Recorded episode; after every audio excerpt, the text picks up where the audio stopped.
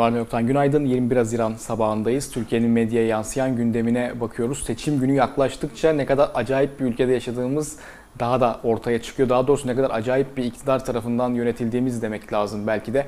Yani 7 Haziran 2015 seçimlerine gidilen e, süreçten e, çözüm sürecinin sona erdirilmesi ve hani o günden bugüne tüm yaşananları düşündüğümüzde işte hayatını kaybedenler, e, işinden olanlar, barış akademisyenleri, cezaevlerinde tıkılanlar, yani tüm bunları e, düşündüğümüzde ve tabii ki 31 Mart seçimi öncesi AKP'nin seçim stratejisini de hatırladığımızda yani bir anda dün işte Öcalan'a Öcalan'ın yazdığı söylenen bir e, mektupla AKP'nin artık seçimi kazanmak için e, ya da tabloyu biraz olsun tersine çevirebilmek için son hamle olarak e, Abdullah Öcalan'ın mektubuna e, başvurmuş e, olması hakikaten e, trajikomik. Yani bir bakımıyla aslında AKP'nin seçim stratejisinin ne kadar fecaat olduğunu gösteriyor. Çünkü tamamen e, abandone olmuş bir e, durumdalar şu anda. Yani nereye e, e elimizi atsak ve oradan ne çıkartsak kardır diye şu anda e, düşünüyorlar. Çünkü yani bu çok ciddi bir çaresizliğin e, göstergesi e, tabii ki. E, Öcalan'ın mektubunun nasıl bir karşılığı olduğuna e, olacağına dair e, yorumları tabii önce yani Asrın Hukuk Bürosu bir açıklama yapacak. Yani bu mektup gerçekten Öcalan'a mı ait mi değil mi ya da Öcalan orada kullandığı ifadeler tam olarak ne anlama e, geliyor? Hani HDP gerçekten bir tarafsızlık çağrısı mı yapıyor yoksa daha geniş manada siyasi şeyler mi söylüyor? E, tabii ki tüm bunlar e, değerlendirilecek ama hani şurası e, kesin ki AKP yani hani yani değil Öcalan demek yani Öcalan ya, Apo'nun ağasını e, kullananları bile hapse tıkan AKP yani bugün gelinen noktada ve tüm siyasi rakiplerini de işte terör örgütülerinin e, desteklemesiyle hani suçlayan AKP bugün e, gelinen noktada Öcalan'a e, sığınmış e, durumda.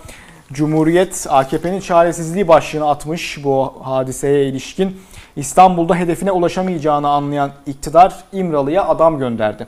HDP'nin İstanbul'da AKP'nin kaybetmesi stratejisi ve Cumhur İttifakı'nın İmamoğlu'nu yıpratma çabasının sonuç vermemesi iktidarı İmralı'ya yöneltti.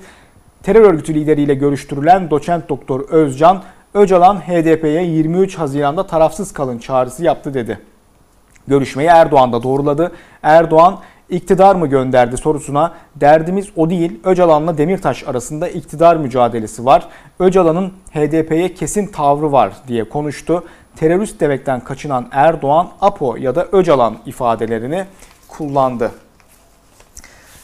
Ee, Yeni Şafak ve Star tabii iktidara yakın gazeteler hani aylardır e, herkesi teröristlikle e, suçlayan işte bu Yeni Şafak Star'ı da bugün Öcalan'dan HDP'ye tarafsız olun e, haberini birinci sayfalarına taşımış. Bu doçent doktor Ali Kemal Özcan tabii yani kim bu adam falan diye bir anda herkes e, şaşırdı. Munzur Üniversitesi'nde e, görev yapıyor. Son e, yıllarda aslında işte AKP'nin makbul e, Kürtlerinden biri olarak kendi kimliğini, kariyerini yeniden inşa etmeye girişmiş e, bir isim. Geçmişinde daha farklı e, işte Kürt hareketine yakın olduğu e, dönemler de e, var.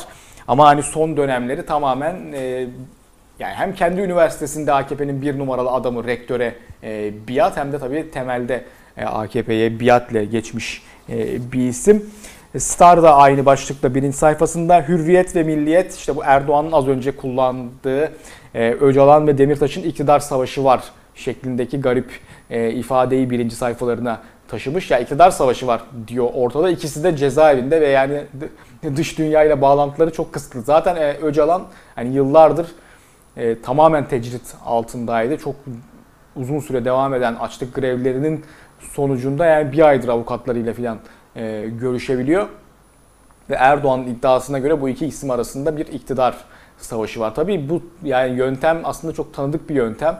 Çözüm süreci döneminde de e, sürekli Kürt hareketi içerisinde bir ikilik yaratma e, niyeti vardı. Bir tarafta işte Öcalan, Öcalan'ı e, daha kendilerine hani kabul edilebilir bir e, profilde göstermeye çalışıyorlardı. HDP'yi yani siyasi e, kanadı ve aynı zamanda PKK yönetiminin de e, işte Öcalan'la aralarında sorun olanlar olarak bir gösterme çabası vardı. Bu taktikler hani çoğunlukla tutmamıştı. O beklenen etkiyi yaratmamıştı ama bugün de yeniden benzer bir yani tabii ki benzer bir konjonktür demek çok doğru değil. Çünkü şu anda yaşadığımız Yani hani çok absürt olaylar hakikaten.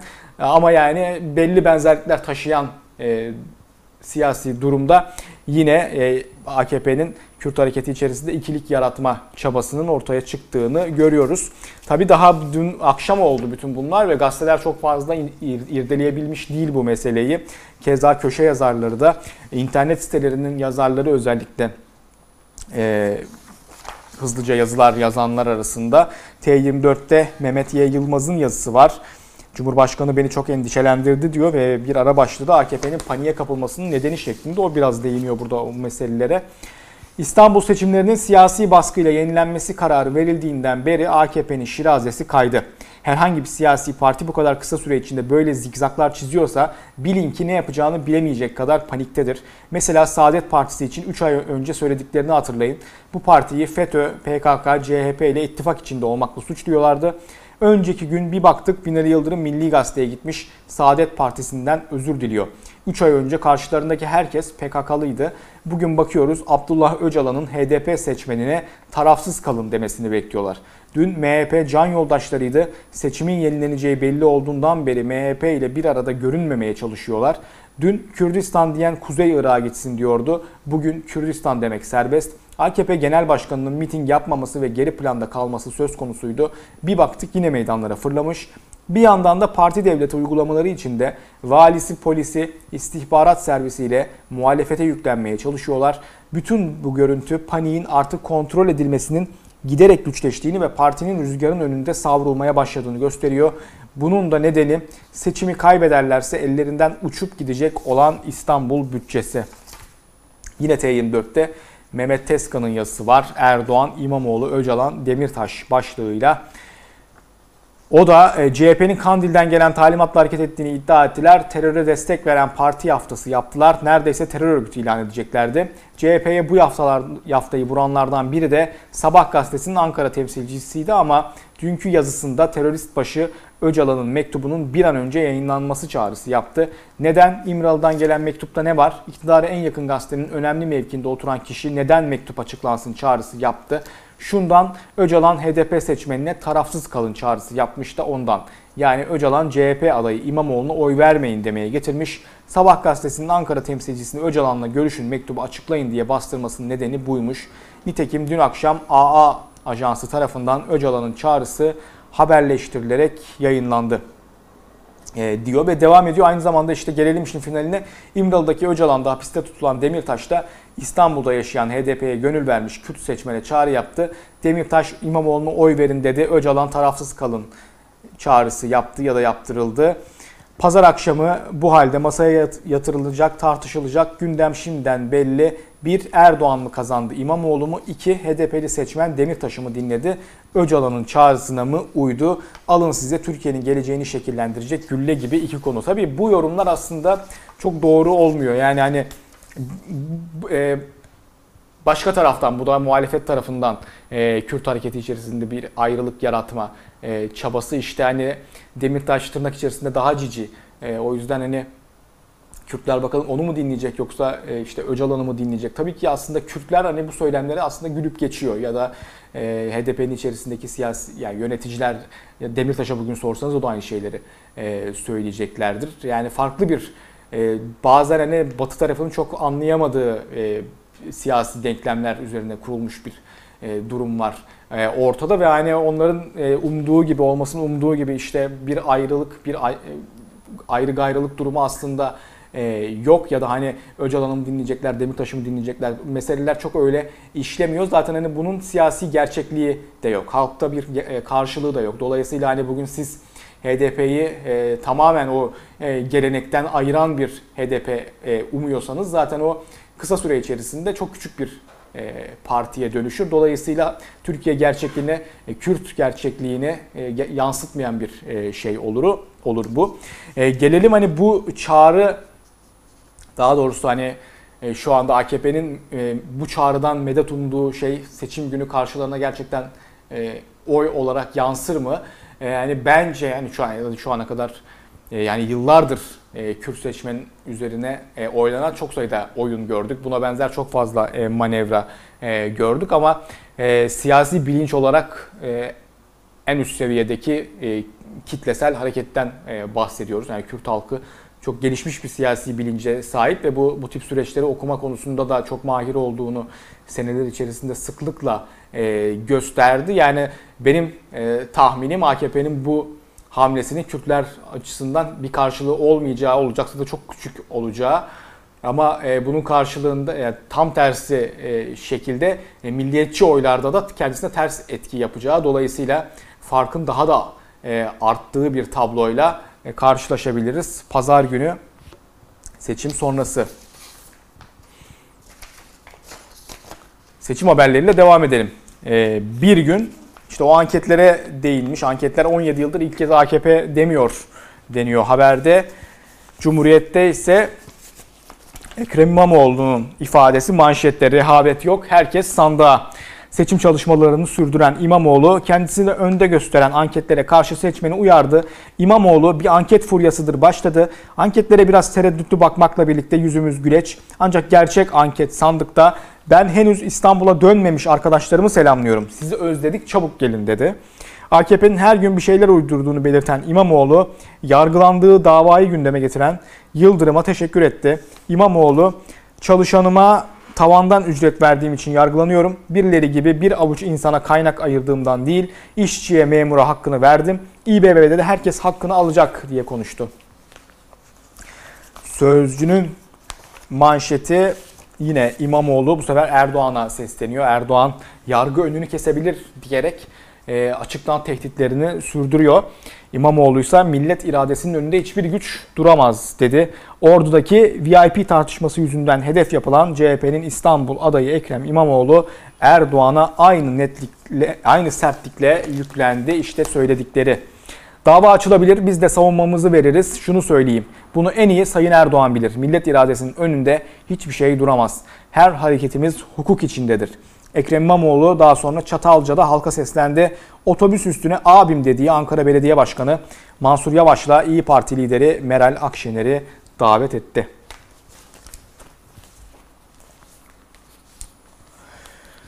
Evrensel e, İmamoğlu'nun yine o parayı çalışana verdim. Lüks araca değil ifadesini birinci sayfasından yansıtmış. E, karar başkanlığı alacağı cezaya göre e, düşebilir e, diyerek Erdoğan'ın tehdidini yansıtıyor. Habertürk'te Muharrem Sarıkaya'nın yazısı var tüm bu ceza meselesine ilişkin. Avrupa İnsan Hakları Mahkemesi kamu görevlisine hakareti suç saymıyor başlığı var yazısında. Belli ki hukukçular Cumhurbaşkanı'na İmamoğlu'nun pazar günü yapılacak seçimden galip çıksa bile Ordu valisine hakaret ettiği için görevini sürdürmesine imkan bulunmadığını rapor etmiş.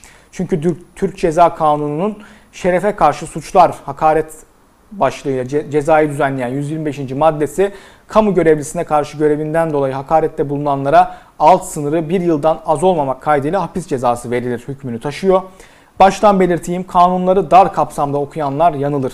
AK Parti eski milletvekili de olan Profesör Doktor Bıçak önce Ordu VIP olayı üzerinden dün yapılan açıklamaları da takip ettiğini belirtti. Ordu VIP'te yaşananlara ahim normları üzerinden yaklaşmak gerektiğini vurgulayıp ekledi. İfade özgürlüğü sadece onaylanan, incitici olmayan görüş ve bilgilerin açıklanması değil, aynı zamanda incinen, şok eden, tarafsızlık, rahatsızlık veren düşüncelerin açıklanmasını da içerir. Çoğulculuk, hoşgörü ve açık fikirlilik demokratik toplumun gereğidir. Bu noktada durmayıp devam etti. Hakaret her ülkede suç sayılan evrensel bir suç değildir. Alıngan, hoşgörü eksikliği olan bir takım ülkelerde suçtur. E, hukuki görüş böyle bu meseledeki. Erdoğan dün e, yine tabii yani artık can havliyle sahnede ve işte her türlü hakaret, suçlamayı yapıyor. Yeni gazete, e, med, onun medyası da e, bunları yansıtıyor. Yeni Şafak CHP adayının e, sicili bozuk şeklindeki ifadeyi birinci sayfasından e, yansıtmış.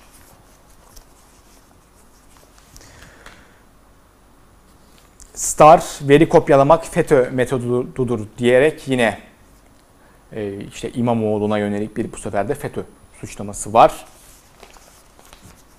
Yeni Yaşam Selahattin Demirtaş'la görüşmüş. Hani işte Öcalan'ın e, Demirtaş'la iktidar savaşı arasında olduğunu iddia ettiği. E, Demirtaş irade gaspına yanıt verilecek diyor ve yani bugün işte bu Öcalan hamlesiyle Kürtlerden e, oy bekleyenlere ya da işte tarafsızlık e, bekleyenlere de aslında önceden bir yanıt da e, var.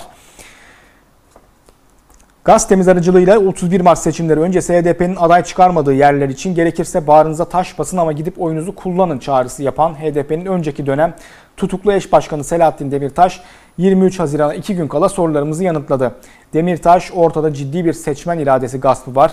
Gasp edilen iradeye karşı İstanbul'daki yurttaşların bu defa bağırlarına taş basmadan kendi iradelerini ve haklarını koruyacaklarına inanıyorum dedi. Demirtaş, Binali Yıldırım'ın Kürdistan'dan bahsetmesi, Bahçeli'nin Kürtler ciğerparemizdir sözlerinde yorumladı. Kürtler bu türden yüzeysel söylemlere göre siyasi tavır belirlemezler. Söylemden çok eyleme bakarlar. Eyleme bakınca da her yerde zulüm, hakaret, adaletsizlik ve savaş politikalarını görüyorlardır. Dolayısıyla bu tür söylem sahipleri için sıradan ve ucuz bir profil çizmek dışında bir etki yaratamazlar. Ya tabii ki Öcalan'ın etkisi burada sayılan isimlerle karşılaştırılamaz. Yani bambaşka, çok daha e, fazla Öcalan'ın Kürtler üzerindeki etkisi ve e, çağrıları çağrıları ama e, hani bu mektup eğer Öcalan'a aitse gerçekten onun hangi şartlar altında, hangi koşullarla, hangi niyetle bugün öne sürüldüğünü de muhakeme edebilecek yeteneğe sahip Kürt halkı. Bunu biraz hesaba katarak aslında bu yorumları yapıyoruz. E, PKK lideri Öcalan'ın verdiği mesajları da yorumlayan Demirtaş şunları söyledi. Sayın Öcalan'ın elinde sihirli değnek yok. Elbette barış ve demokrasinin gelişmesi toplumun süreçlere aktif katılımı ve kesintisiz mücadelesiyle mümkün olacaktır. Bizler Sayın Öcalan'a barış ve demokrasi girişimleri noktasında güveniyoruz. Elbette kendisinin yanında olacağız. Tabii buradaki mesajlardan kasıt dün akşam ortaya çıkan e, mesajlar değil. Daha öncesinde verdiği mesajlar. Evet. Sözcü'de o otel yani Marmara Oteli görüntüleri basına sızdırmıştı ve çok büyük bir aynı zamanda aslında bu suç aynı zamanda. Ee, o otelin sahibinin belediyeden almadığı ihale kalmamış Sözcü'nün haberi. Gazeteci İsmail Küçükkaya'nın görüntülerini medyaya veren Taksim'deki The Oteli'nin sahibi Gürsel ailesi İBB müteahhidi çıktı. Ailenin İBB'nin karayolları tünelinde imzası var. Aldığı bazı ihalelerde şöyle. Dolmabahçe Tünel İnşaatı, Fulya Levazım Tünel İnşaatı, Kağıthane Tüneli Kavşak İnşaatı, Çamlıca Tepesi Ulaşım Yolları, Kurbağalıdere İslah, İslahı İnşaatı yani. T24'te Rıza Türmen'in yazısı var. Ee, seçim gündemiyle alakalı. Siyasal iktidarın ne yapsam da seçimleri kazansam diye düşünecek yerde %25-30 oyu olan CHP'nin İstanbul adayı nasıl oluyor da %50'nin üstünde oy alabiliyor sorusuna yanıt araması daha doğru olur diyor e, Türmen ve şu anda tabii Ekrem İmamoğlu ve karşı tarafta aslında Erdoğan üzerinden yürüyen bir e, seçim e, en azından vitrine yansıyan seçim mücadelesi bu şekilde ve bu e, mücadelenin iki ayrı Türkiye vizyonunu yansıttığını belirtiyor. Türmen bir yanda Erdoğan'ı yaratmak istediği otoriter, içine kapalı, sünni Müslüman, Osmanlı özlemi içinde lidere koşulsuz itaat eden kendisi gibi olmayanın dışlandığı bir Türkiye var. Öbür yanda cumhuriyet değerlerine bağlı, çağdaş, çoğulcu, katılımcı bir demokrasi isteyen, herkesi içine alan yeni bir toplumsal sözleşmeye dayanan, uluslararası sistemle bütünleşmiş yeni bir Türkiye. 23 Haziran seçimi sadece belediye başkan seçimi değil aynı zamanda Türkiye'nin geleceğine yön verecek bir seçim. İstanbullular oy kullanırken nasıl bir Türkiye tercihinde yapacaklar diyor Türmen. 15 Temmuz darbe girişimine ilişkin Genelkurmay çatı davasında dün kararlar açıklandı. Hürriyet'in manşeti çatıya 141'er 141'er kez şeklinde e, ağırlaştırılmış müebbet hapis cezası e, verildi 141'er kez. Sabah kıyamete kadar hapisteler manşetini attı. Cumhuriyet darbe konseyine 141 kez müebbet dedi. Aydınlık gazetesinde de FETÖ'cü Gladio'ya ceza yağdı ifadesi kullanılmış. Doğu Akdeniz'de gergin e, süreç devam ediyor. Türkiye'nin buna bir e, müdahalesi var. Zaten gerginliğin direkt taraflarından e, biri yani gerginliği oluşturan taraflardan biri Türkiye ve e, Hürriyet Yavuz Sefer'de haberini yapmış. Buna ilişkin dün e, sondaj gemisi Yavuz bölgeye e, gönderildi. Doğu Akdeniz'de petrol ve doğal gaz arama faaliyetlerini artıran Türkiye Fatih'in ardından Yavuz sondaj gemisini de bölgeye gönderdi.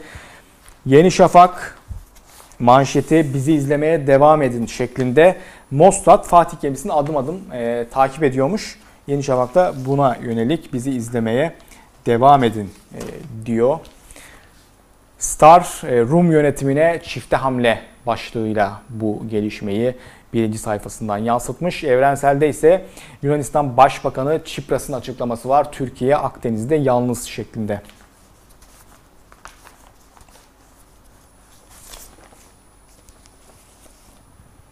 E, dün Eyüp Sultan'ın Güzeltepe e, mahallesindeki Hüseyin Aksoy e, parkında e, bir çocuk oynarken elektrik e, kablosuna, e, direğine e, tutunması sonucu elektrik akımına kapılarak hayatını kaybetti. Evrensel bunun adı cinayet e, diyerek birinci sayfasına e, taşıdı bu haberi ve hani sorumluların tabii ki e, ceza alması gerekliliği haberde e, belirtiliyor ve tabii ki kamuoyunda bu olayın daha çok gündemde yer alması bakımından bu manşet önem taşıyor. Evrensel e, yine Trabzon'da hayatını e, sel sonrası hayatını kaybedenlere ilişkinde can kayıpları insan kaynaklı haberini birinci sayfasına taşımış. Cumhuriyet bile bile ölüme gönderildiler e, diyor. 7 kişinin yaşamını yitirdiği, 3 kişinin de hala arandığı Trabzon'daki sel felaketinde işçilerin bile bile ölüme gönderildiği belirtildi. CHP'li Kaya, devletin dere yatağına okul yaptığını, felaket uyarısına karşın işçilerin çalışmaya gönderildiğini söyledi. Kaya, böylesine bir risk varken işçilerin hala o bölgede çalıştırılması nasıl açıklanacaktır diye sordu. Yeni Yaşam'da Trabzon'da kayıp 3 kişinin halen arandığını birinci sayfasına aktarmış. Bir günde manşette yine önemli bir haber var. Çorlu'dan hiç mi ders almadınız?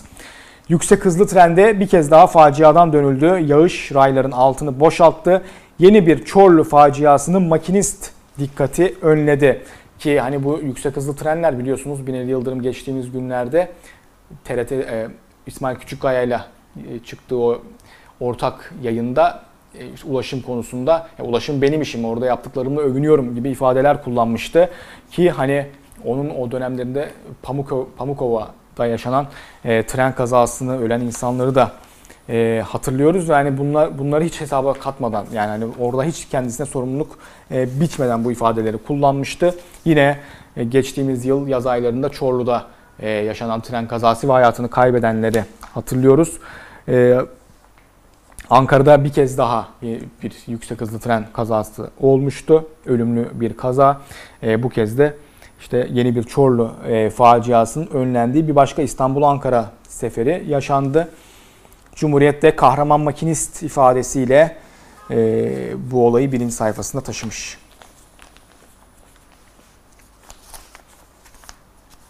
E, Siverek'teki katliam sonrası tabii gözlerin bir yandan çevrildiği çevrili olduğu yerde orası Siverek ve e, İzol aşireti.